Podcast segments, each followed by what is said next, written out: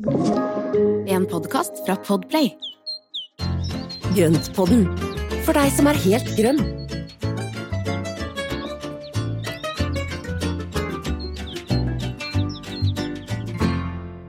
Hallo og velkommen til Grønnpodden nok en gang. Takk for sist.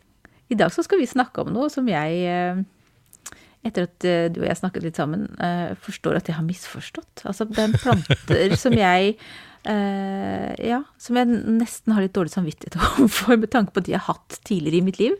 Ja. ja og jeg tror ikke jeg er den eneste som trenger en innføring i kaktuser og sukkulenter. Mm. Og da er det jo supert at du, Espen, kan så mye om dem. Jeg kan i hvert fall litt, og har drevet mye med dem.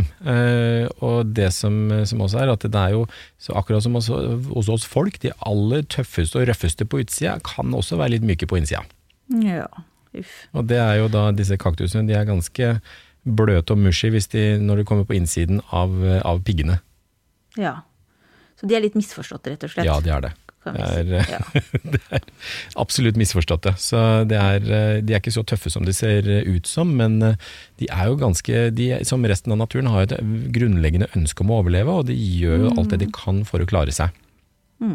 Så i dag skal vi lære hva vi skal gjøre for å hjelpe dem med å leve, istedenfor Ja. å motarbeide dem. Ikke sant? Og, og kanskje også få ut det maksimale potensialet i dem. For de, de, har jo så mye mer å by på hvis vi da gir dem litt grann stell. Bra. Så i dag er altså målet vårt å, eh, hva heter det, å bryte ned, eller fjerne mytene om kaktuser og sukkulenter. Er kaktuser og sukkulenter er de um, søsken, er de nære slektninger, er de fjerne slektninger, eller er de ikke i slekt i det hele tatt? Jeg kan, så jeg kan veldig lite om dem. Det var veldig mange, mange spørsmål i ett, men uh, det er ikke noe sånn ordentlig svar på det. Det er jo det er ikke noe to streker under svaret her, så det, det må jo bare si at det, det er litt forskjellig. Og Ok. eh, det er eh, det som kjennetegner kaktuser og sukkulenter, eller sukkulenter generelt, er at det, det er planter som har tykke stilker, eller at den har tykke blader eller røtter eller knoller som den da klarer å lagre mye vann i. Og de som da har knoll, altså knolldannende er jo det de kaller for kaudekser, og det er jo da en gruppe som da kan inneholde mange forskjellige familier. For eksempel altså har du da den som heter euforbia. Euforbia er det mange kaller for cowboykaktus. Denne her trekanta vet du, som, som med de små bladene, altså to og to pigger. Og Ja. det er jo egentlig heller ikke noe kaktus, fordi den er eh, Den har ikke den, Altså de piggene er ikke egentlig kaktuspigger. Han lurte meg. ja, ikke sant? Og det er veldig mange som tenker det. Så den kalles jo for cowboykaktus. Og den heter jo da euforbia, og den er i slekt med den vanlige julestjerna vår. Og den Ja, det hadde jeg jo ikke hjertet. Nei, ikke sant? Og julestjerne er jo ingen sukkulent. Nei. For den har jo da den eh, det, altså det som kjennetegner begge to, det er at det er jo samme familien. Du ser det på blomstene, at den har eh, likhetstrekk i blomsten. Men de har også en eh, hvit melkesaft som man da, når du da knekker et blad eller du ser at den får skade, så får du en hvit melkesaft. Og det er et veldig tydelig kjennetegn på euforbiaene. Å herregud, her, nå er, per nå så er jeg veldig forvirra. Ja. Da, da må vi rydde litt opp, da. Så Ja, det er det er noen jo- kjennetegn eller trekk som vi kan hente fram, da? Ja, det er det. Og vi skal ikke ta oss og gå altfor dypt ned i dette, her, for at det, kan bli, det blir mer forvirring enn noe annet. Men det som man da kan si enkelt og greit, er at en kaktus er en sukkulent, men en sukkulent er ikke nødvendigvis en kaktus. Ok. Så alle, kaktu, nei, alle sukkulentene, det er jo felles er jo det, som sagt, tykke, saftige stilker og blader og røtter som da lagrer fuktighet, når de da eh, for eksempel kan klare seg i tørre perioder og sånne ting. Eh, og en kaktus er jo da en, en gruppe innenfor sukkulenter som da har eh, disse piggene sine, og det er jo da satt, det er sånne små puter, det er jo nesten alle kaktusene, så ser du at de har piggene satt sammen i nesten sånne små puter, og det er noe som kalles for areoler. Og det er jo da der hvor, pig, altså hvor piggene sitter. Areoler. Mm. Ja. Det er liksom kjennetegnet på kaktus, at de da har disse, disse samlingene av piggene. Og Ja. de er det jo mange som har blitt kjent på og fått i fingrene, og noen av de har jo små mottakere nesten, sånn at det er nesten umulig å få de ut, og de er bitte, bitte, bitte, bitte små. ja, det er sånne små haker. Det er veldig Altså, sånn, ja. det, det er ikke alle er som er like. godt. Nei. Så det det er litt sånn, eh, sånn ugreit bekjentskap i noen tilfeller. Enig. Men det som er felles for de alle, er at de kan klare lange tørkeperioder, og, og uten at de da tar noe stor skade av det. Og fordi at de da har lagring av, av fuktighet, og så har de ofte en litt sånn læraktig hud. sånn at de gjør at det, er ikke så mye fordampning som vi snakket om i forrige episode. Så, så snakket vi om dette med fordamping fra bladene. Og på kaktuser og sukkulenter så er det ofte mye mindre fordampning fordi de har en tykkere og mer solid hud. Akkurat. Så, ja, for de har jo da dette ryktet på seg for å være enkle planter. Mm. Uh, altså noe som selv de uten grønne fingre kan ha hjemme. Er, Ja. det, er, det, er det et riktig rykte, eller er det litt misforstått? Det er egentlig ganske riktig, men det som veldig mange tenker, og, og, og, eller det mange tror, er at fordi de er så enkle, så kan de stå hvor som helst, og de trenger ikke sol, og de trenger nesten ikke lys. De kan stå i de mørkeste krokene fordi at de klarer seg så lenge. Eh, Men det er egentlig en myte. De trenger stell, og, de trenger også sol, og de trenger da for å være fine eller holde seg fine. Men det som skjer med mange kaktuser og sukkulenter, er at de dør langsomt. så de, de bruker lang tid på å dø, og de kjemper, kjemper, kjemper. Og så gir de seg. Og det betyr at når du da har setter en kaktus eller en sukkulent på et, et, en dårlig plassering, så, så vil den klare seg ganske lenge. Og så tenker jeg ja ja, den levde ganske lenge. Så tror man man har gjort det riktig. Ja, nemlig. Og istedenfor så tenker jeg at man må, må altså Hvis du da virkelig tar hånd om den og steller den pent, og sånne ting, så vil den da få en, en helt annen type vekst, og den vil bli mye finere, og den vil også kunne leve i mange, mange mange år. Ja. Så jeg har jo, en sukkulent, eller jeg har jo sukkulenter som er, eh, som er liksom ja, mellom 50 og 100 år hjemme, og det er Oi. jo ting som ja, ikke sant?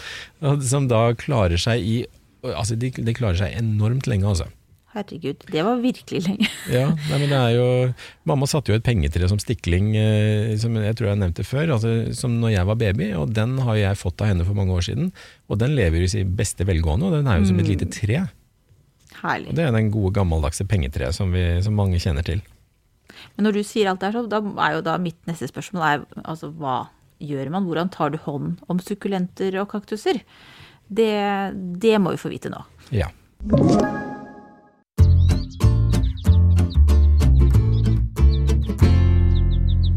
Ja, så hvordan er det du tar vare på kaktuser og sukkulenter? Er det, er det det samme stellet året igjennom? Skal de ha ulikt stell alt etter årstidene? Altså, jeg vil vite alt, Espen.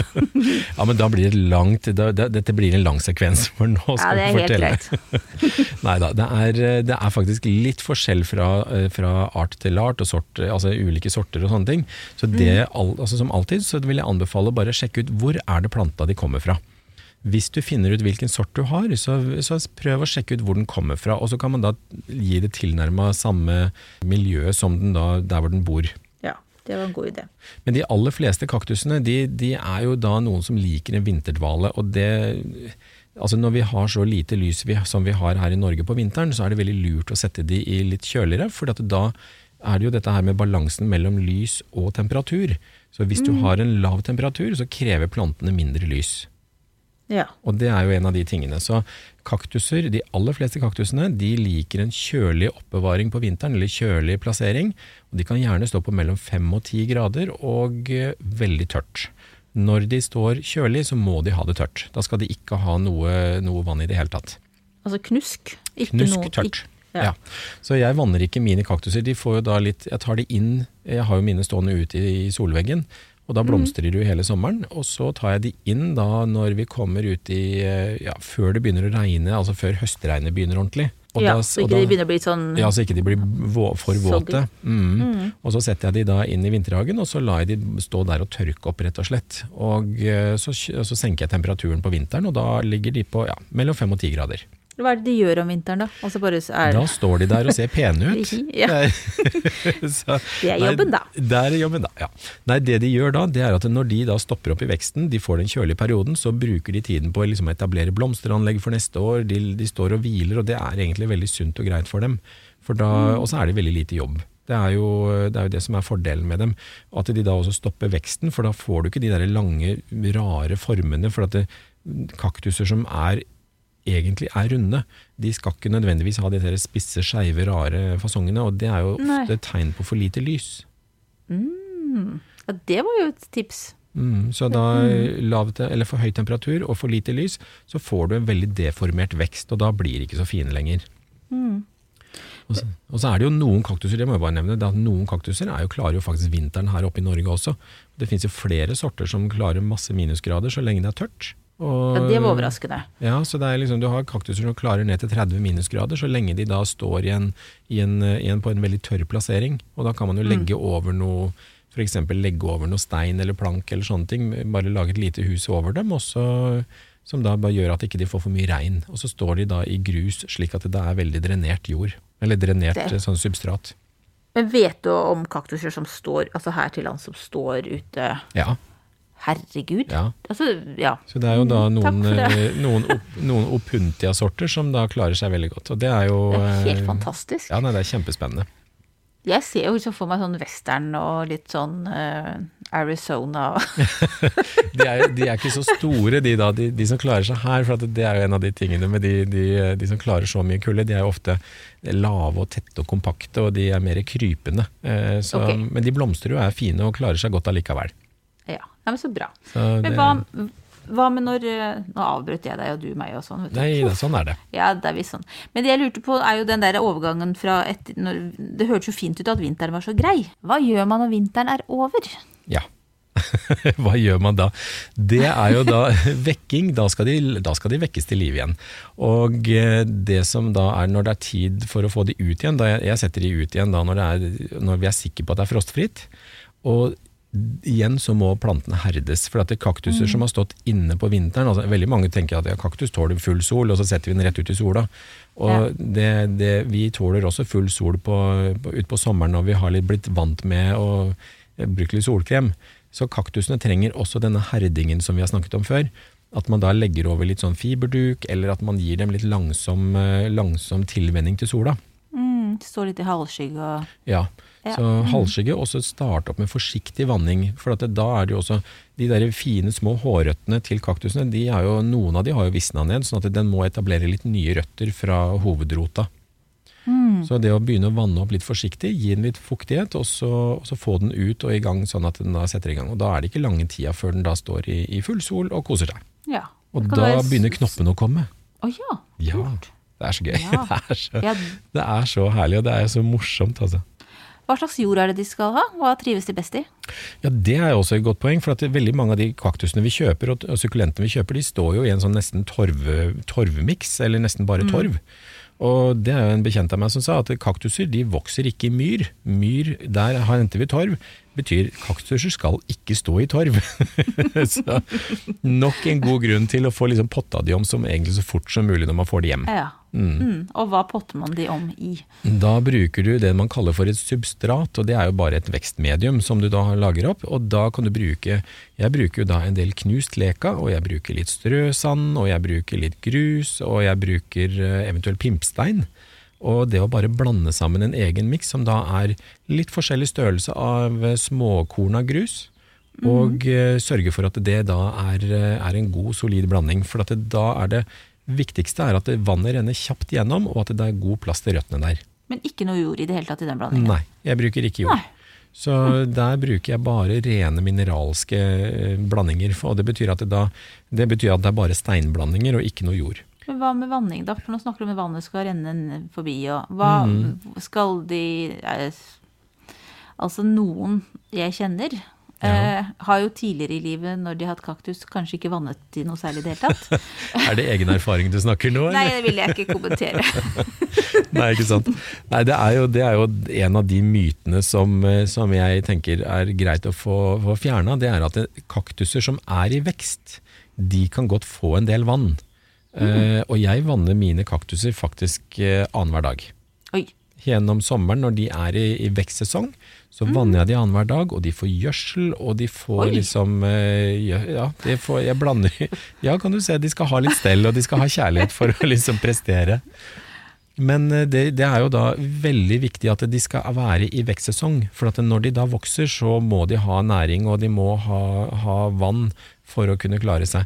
Og igjen så er det veldig viktig at det da denne, denne, dette substratet som de vokser i, er så porøst at vannet bare renner rett gjennom, og da holder den bare så vidt på fuktigheten. Da holder den da litt fuktighet i, eh, rundt røttene.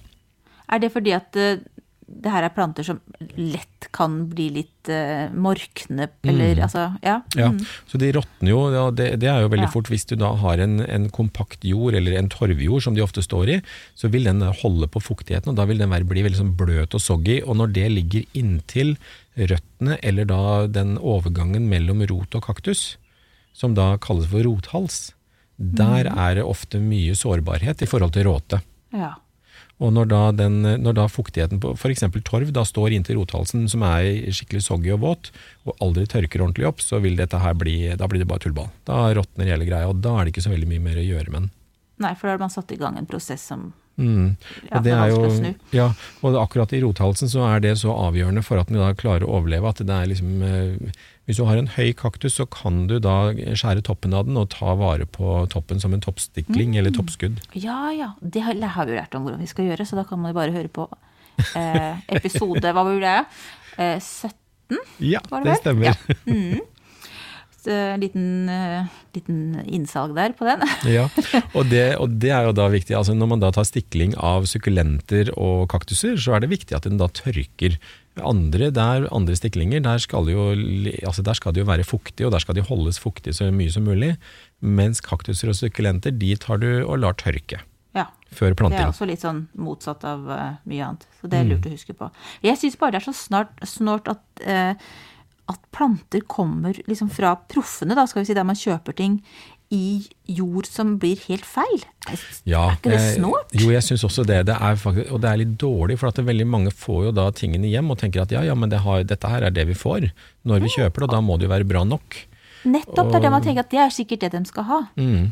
Og så er det veldig feil, for at det er jo Men jeg tror at det er en, en, en Rett og slett at veldig mange planter som vi kjøper, er jo dyrka under så optimale forhold, og da er det er veldig lite naturlig med, med, med hvordan de er dyrka fram. For at de er i så optimale forhold at de trenger litt tid på å akklimatisere seg og, og liksom venne seg til et normalt klima. De står kanskje i drivhus, de blir dyrket fram veldig fort de, for å da effektivisere og få ned kostnaden. Så har man mulighet til å kjøpe fra produsenter som dyrker på ordentlig måte, som dyrker i langsommere, så får man også mer solide planter. Hvordan finner man fram til dem? Nei, det er et godt spørsmål. Det er, eh, man må jo da være med liksom, aktiv i, grupper og, og, Ja. og foreninger, og, liksom, og, knytte seg til da noen miljøer. Og selv så kjøpte jeg jo nå en gjeng med kaktuser fra, som jeg bestilte gjennom da en sukkulentforening som jeg er med i. Og det, det er, da kom det i posten at det ble tolv stykker nye små tasser som da er eh, pottet om etter alle kunstens regler. Så nå, nå, kommer de, eh, nå kommer de fint utover. Og de har allerede begynt å vokse fint, altså. Oh, det vil jeg veldig gjerne se bilde av. Men jeg bare spør om ting. Altså, Erstattet disse noen andre som hadde forsvunnet, eller er det her Nei, et nei, nei. land? Nei. Nei. Jeg hadde jo, jeg dyrka jo, jeg hadde jo samla Eller jeg, jeg samla mye kaktuser da jeg, altså på tidlig 90-tall, og hadde da en ganske stor samling, og så har jeg redusert og tenkt at ja, ja, nå, nå har jeg fått litt andre sånne interesser underveis. Men jeg ser jo nå at den, de siste årene så har denne kaktussamlinga bare vokst i omfang, og den vokser jo hele tiden. Så Ah, det, blir, det blir mer og mer. Det starta med bare noen få, og nå er, det, nå er det veldig mange. Og så er det jo enkelte sukkulenter som jeg har hatt med meg nå i ja, over 30 år, egentlig. Som jeg, som jeg har hatt veldig lenge. Det er jo helt fantastisk. Ja. Du burde ha sånn museum. Kaktus- og sukkulentmuseum. Ja, veldig morsomt. Så det er jo veldig gøy, og det, er- og det er det som er morsomt når man da får disse her plantene som da kan komme igjen år etter år, og det er jo da sukkulenter og kaktuser er jo noe som, som da kan gjøre det, og da med da en, en riktig vinteroppbevaring med hvileperiode, så vil du også bli belønna med blomstring som er helt eh, Noen ganger så tenker man at det, man tror jo ikke det er sant at de, der, altså de svære, flotte blomstene kan komme av den lille piggete saken. Og det her er vel noe, for det var egentlig et spørsmål hvorfor blir du så fascinert Eller hvorfor er du så fascinert av dem? Ja. Men det er vel Det er vel de Det- der kontrastene, kanskje? Ja, men det er, det er nok det. Og det er jo ja, det er kontrastene. Og orkideer har jo litt av den samme egentlig kontrasten, hvor, men jeg syns jo kaktusene er mye mer spennende fordi det er så stor variasjon også i pigger. Du har jo alt fra de store, de store kaktusene med krokete pigger, som du nesten kan bruke som fiskekroker, til eh, da bitte, bitte, bitte små som nesten ikke syns, som da har et mønster som er så intrikat at du lurer på liksom, åssen de har klart å få det til. Det er jo, det er jo veldig fascinerende. Hvorfor har de pigger? Det er et godt spørsmål. Det er, jeg vet ikke helt eksakt, men jeg tror det har med å gjøre at de da er både beskytta mot, uh, mot, altså mot, insekter og fugler og ting som kan spise mm. dem opp.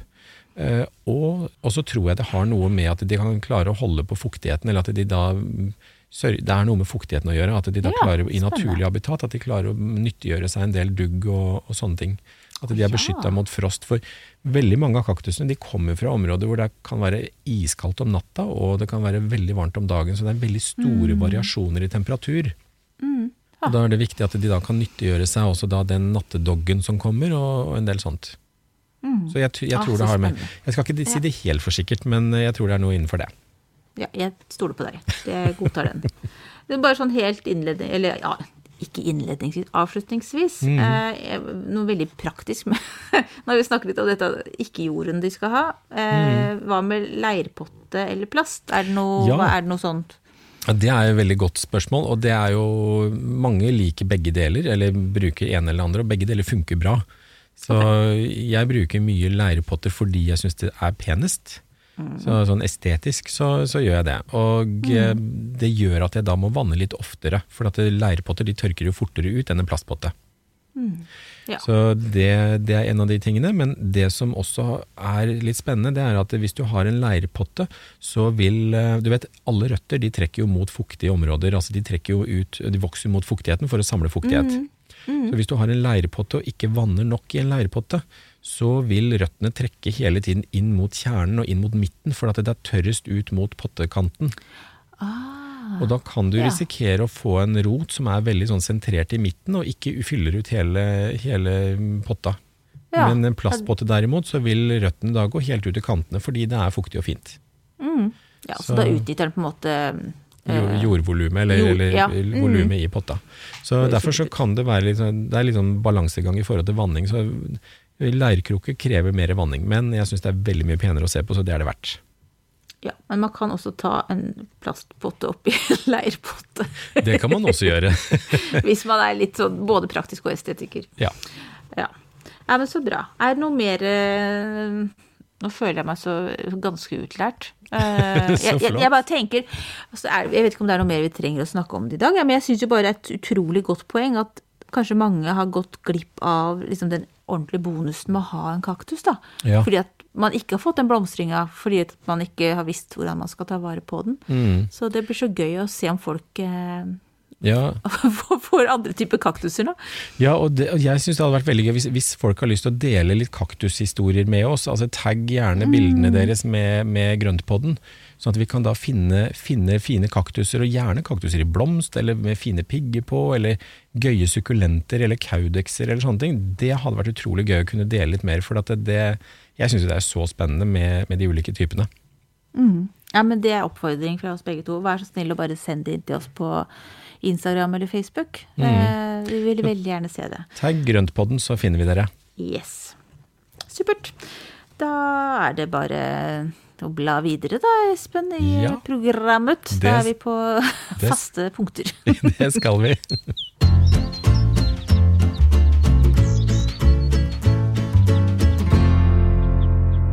altså Ukas plante er jo Det er vel det minst politisk korrekte plantenavnet jeg har vært borti på lang tid. Så her overlater ja. jeg til deg. ja, nei, men det, det, kan jeg jo si. Det er altså da I dag så skal vi snakke om en som eh, fra gammelt av ble kalt for hottentottbrød. Ja. ja. Og det er, en, det er en sukkulent, eller det er en caudex som det kalles. Og det som jeg nevnte nå i stad, at dette her med de, de som lager sånne morsomme klumper da, hvor de da samler mye næring og fuktighet og sånne ting, og så kommer det ut blader ut fra det. Og mm. caudexer er jo en, en eksepsjonelt spennende gruppe, syns jeg. Og jo røffere og rarere og mer krokete og, og sære de er, jo bedre er det. Så den, den, denne her, den uh, hottentott-brød, den, den, heter da egentlig Dioscorea elefantib. Mm. Uh, og det er også blir kalt for elefantfot, kan uh, være. Og den kommer da fra Sør-Afrika. Sammen med veldig mye andre spennende kaudekser og, og sånne villarter av pelargoniumer mm. og sånne ting. Så, det er mye spennende planter her nede. Ja, vet du hva, det er det. Så det er faktisk drømmereisemålet mitt. Det er jo da å dra til Sør-Afrika for å se på alt det gøye som de har der nede. Jeg blir med. Ja. Bra, da har vi ekskursjon dit. Ja, det Men- trenger bare noen som sponser oss. ja, ikke sant? Men det som er veldig morsomt med de hos Korean, det er jo at det finnes jo flere forskjellige typer av de, og den elefantiben er jo, det er jo en av min eldste er jo den en sånn en, og jeg har jo også sådd opp, eh, som jeg har tre stykker som jeg har produsert selv. Og de ble dyrket opp for 15 år siden, og nå så er de en diameter på ja, 10-12 cm. Så de vokser jo Ja. ikke fort. Det er liksom ikke den store farten i veksten, men det er utrolig morsom, og de blir steingamle. Og eh, den har da altså en, en base, eller kaudeksen, den ser ut som et sånn skilpaddeskall, eller den er satt sammen av sånne korker. Den ser nesten litt sånn forsteina ut. Ja. Den ser Så- eldgammel ut. Ja, den ser gammel ut fra start, den der. Og så kommer det opp et skudd hver sommer, eller hver vår, som da vokser full fart opp. Og den på den store så blir jo det mm, Jeg må kveile det rundt for å få plass til den, for da blir jo den gjerne en fem-seks meter lang. Oi. Med masse sidegreiner og hjerteforma blader og grønne blomster som lukter veldig godt. Oh. Så den er veldig fin. Uh, og så har du da de uh, det, det er en annen som heter Sylvatica, som har mye mer slett, uh, slett caudex, som da er litt annerledes. Og så er det da noen, noen sorter til, som, som også kan brukes. Men det er litt vanskelig å få tak i de, og det, man skal jo ikke høste sånne i naturen, så det, det man da skal kjøpe, det er jo de som er dyrket i, eh, i drivhus, altså som er produsert opp for salg. Ja. Og jeg ser jo nå, mens du snakker, så må jeg, ser jeg jo på de du har lagt ut på nettsiden din, på Skarpe i hagen. Mm. Ja. De er kjempefine bilder, så jeg bare eh, anbefaler folk å gå inn og ta en titt på um, hottentot-brødet. Ja, så bra, og da skal vi ta, ta, klippe ut noen av de bildene og få lagt ut også på Facebook og. Instagrammen vår. Kjempefint Så, når jeg tar den inn på høsten, så visner jo da normalt denne stilken ned, og så står den bare som denne klumpen gjennom vinteren, og da skal den stå tørt. Ja, da Er det like knusktørt som eh, kaktusen, eller er Ja, Og den, Ja, får ikke noe, den får ikke noe vann fra ja, jeg vet ikke, oktober og fram til april. Så den står et halvt år Mm. uten vann. Og det er ikke noe, ikke noe fuktighet så, så lenge den da står og hviler. Og så fort den da begynner å sette i gang med et skudd, da begynner vann igjen. Ok. Så det Det er ganske billig drift, da, kan du si. det er Veldig sånn billig. Også, ja, og den, eh, men den er jo helt spektakulær når den står, eh, står full av blader. Men den er Mm. jo også et blikkfang når den da står uten blader, med bare den der forsteina klumpen. Det er litt sånn mystisk. Ja, den er veldig annerledes. Mm, det er så gøy. Det var et fint bekjentskap. Jo, men det som jeg må også si, det er altså grunnen til at den ble kalt for hottentottbrød, det er jo det at det, Ja. i gamle dager så Klart, ja. Så, ja, for at den ble jo I gamle dager så ble den også spist. For at den, det er, eh, den er eh, litt giftig, så man skal ikke spise den. Det, det skal man ikke gjøre. Men, men okay. når den men varme... noen gjorde det for det. Ja, men nei, da, når den varmebehandles, så er det, det er veldig mye stivelse i den. Og når den da varmebehandles, så forsvinner giftstoffene, og da kan den brukes. Å ja. Og på den måten så ble den da brukt som mat. Så det var også en, en, eh, en kilde til, eh, til stivelse. Ja. Nå skal ikke jeg si noe mer, for jeg vet at vi spiser jo ikke kameratene våre. Nei, Så, det gjør vi ikke. Men er hyggelig Og- for dem som gjorde det sikkert en gang Ja. i tiden. Og da, men eh, det var en, nærings, en, en tilgang til næring for, eh, for de lokale som bodde der den gangen. Dine hottentottbrød, de lever trygt da, kan vi si. De lever trygt, og de tar godt vare på. Ja. Ukens spørsmål, skal vi se. Det er noen som spiser opp tomatplantene mine. Og karta. Og de som begynner å modnes. Ok, spiser alt da, på en måte. Ja. Noen spiser. Noen spiser, og hvem er det? Ja, og det er faktisk eh, tomatplantene som da det er, Ja, jeg har opplevd det sjøl også, og det er faktisk mm. noe som heter tomatfly. Ja, og det har ikke jeg hørt om, jeg. Nei, og det er en liten nattsvermer, som, eller en liten sånn nattsommerfugl, som da legger eggene sine på tomatplantene, og de larvene er nesten umulig å se. De er altså så identiske med planta at de er nesten umulig å se. Og de gnager i vei, og de eter, og de er glupske, altså. Så Ja, fordi den- at jeg har trodd at det var snegler. Altså, ja, jeg er så veldig glad for at ikke jeg har ekspertrollen i den poden her, så jeg kan liksom være ærlig på sånn, det lave kunnskapsnivået. Det kan Jeg være snegler også, det kan det absolutt være. Men, men, eh, men, ja, men du viste meg noen bilder, eller jeg så, og det, det ser veldig ut som jeg har vært utsatt for tomatfly, så nå må jeg Mm. bare lete etter de der larvene, da. Ja, så høyst sannsynlig så er det det. Og da er de nesten altså de er grønne til nesten sånn derre gulbrune. Og de krabber rundt inni denne tomatplanta, så det er nesten, og de, de går nesten helt i ett med nervene på tomatplanta, så det er veldig vanskelig å se de. Men når du først ser de, så begynner du å, å få øynene opp på hvordan de ser ut, så finner du ganske mange av de. Og jeg har jo plukka, jeg har jo dessverre hatt det i drivhuset et par år, og da når da de er ferdig og, og spise seg ferdig, så slipper de seg til bakken, så graver de ned, så forpupper de seg der.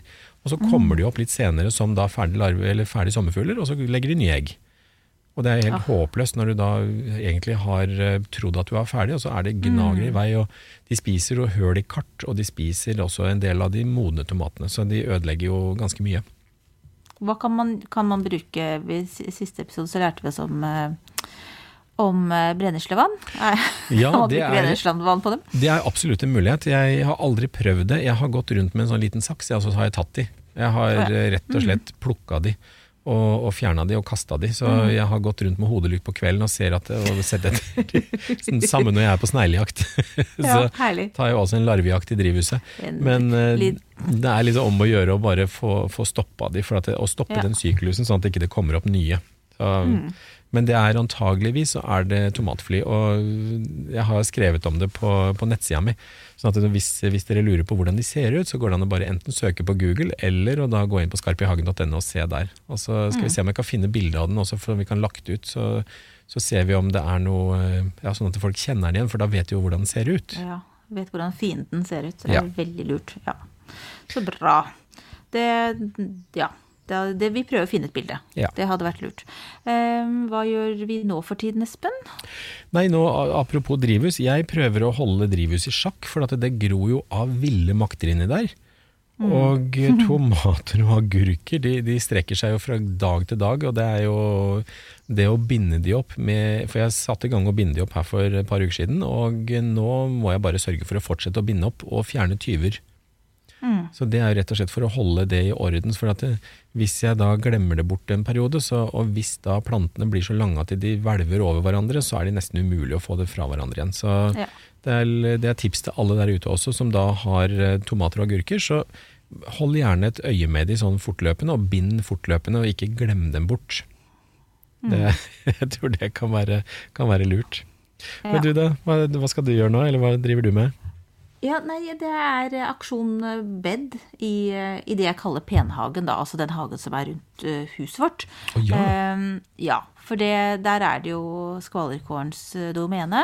Og Mm. jeg har jo begynt litt, og det her er jo sånn evighetsarbeid, men jeg gir ikke opp. Så det, etter å ha hørt på en klok venn som snakket om, om hvordan man kunne bekjempe ugress med stauder, så har jeg nå begynt å flytte en del av de hostene som jeg har stående nede i kjøkkenhagen. Jeg vet ikke hvorfor de en gang i tiden lagde et svært, to svære hostabed der, men eh, det er jo hun Empress Wu, fant vi ut. Ja, men det oppdaga vi. Den er jo helt fantastisk. Ja, men det er helt absurd plassering. Så det jeg Ja. tenker at jeg bruker de sånn gradvis, så sparer spa, jeg de opp, og så rydder jeg etter alle kunstens regler oppi i penhagen, i bedene der, og så mm, setter jeg dem der. Ja. Og ganske tett. Så jeg prøver liksom stykke for, bit for bit, så prøver jeg å, å jobbe meg fremover, da. Det kommer Det til å ta mange år. fint. Men det blir jo veldig kom- fint. Ja, og så skal det ikke bare være hosta der, så klart. Men jeg tenker at jeg får begynne med det jeg har, og så se hvordan det går. Og så får jeg ta neste steg med å, å blande inn litt andre ting også. Mm. Ja, men Så bra. Ja, det er jo en god, det er en god, det er en god innsats, for det er jo virkelig altså Da steg for steg er jo veldig bra. Ja, jeg må, tror jeg må tenke på at det her ikke skal fikses i løpet av en dag. Nei, men vet du hva, Det er det man må ta ting over langen. Det er det, og det, Mm. det snakker vi jo mye om og stadig vekk om. At det er jo det at alt må ikke skje med en gang, og ting skal jo være under utvikling. ja, nettopp. Så bra. Det tenkte jeg at du, trengte jeg at du sa. Det var veldig godt. Senk sånn skuldrene, skulderen. Ja, senk skuldrene og ta litt om gangen. Ja, Så det er det jeg skal gjøre etterpå. Jeg skal ta, grave ut litt flere hostaer. Ja, det er fint. Mm. Nei, men så bra, Espen. Da er vi eh, faktisk eh, nesten i mål. Ja, denne gangen òg. Det går fort. eh, Ja. ja, da gjenstår det egentlig stort sett bare å fortelle hva vi skal snakke om i neste episode, og så takke pent for oss. Eh, Espen? Ja, og så håper jeg virkelig at dere hadde litt igjen, eller har fått en liten aha-opplevelse på kaktuser og sukkulenter, og at Ja. det er noen, eh, noen som da får litt bedre stell der ute. For at det er, eh, de, de belønner deg rikelig hvis du steller litt ekstra med de. Det Og er, dels- eh, det er vel, vel, verdt å, vel verdt å gjøre den lille innsatsen der. Ja. Og del gjerne med oss. Tagg oss i, i bildene du legger ut. Mm. Så vi vil gjerne se. Ja. Så det, Ja. neste, neste uke, så nå er vi jo altså det En ting er at vi er ferdig nå, men vi har jo allerede begynt å tenke på neste uke. Og den gleder jeg meg også til. Ja, for det vi har tenkt at vi har jo snakket om dette bukettbedet i noen episoder f tidligere, og nå begynner det å bli på tide å faktisk eh, ta med oss sommerblomstene fra bedet og til bordet. Mm. Mm. Så da kommer vi til å komme med litt tips og råd i forhold til dette med Én ting er buketter og, og oppsetting av det, men også hvordan du behandler blomstene. For at det er jo litt sånn hvordan å få blomstene til å vare. Og det er jo, da kan jeg få børste støv av litt av mine gamle blomsterdekoratørkunnskaper også, så det Herlig. Det Herlig, er litt greit. Det blir bra. Mm. Ja, det gleder jeg meg til. Det blir spennende. Det er veldig Jeg håper at mitt bukettbed kanskje er eh, up to scratch når, når vi har snakket om det, at det er på tide å klippe litt. Ja, men en annen ting er at det er jo også mye sommerblomster der ute, og hvis du steller de Mm. også litt bedre, så, så, eller hvis med da litt ekstra stell på, på sommerblomstbuketten, som med Ja. vill- villblomster, så står jo også den ganske lenge. Godt poeng. Det skal vi snakke om neste gang. Nå gjenstår det å si ha det bra fra meg og fra deg. Og tusen takk for i dag. Mm, ha det bra. Ha det.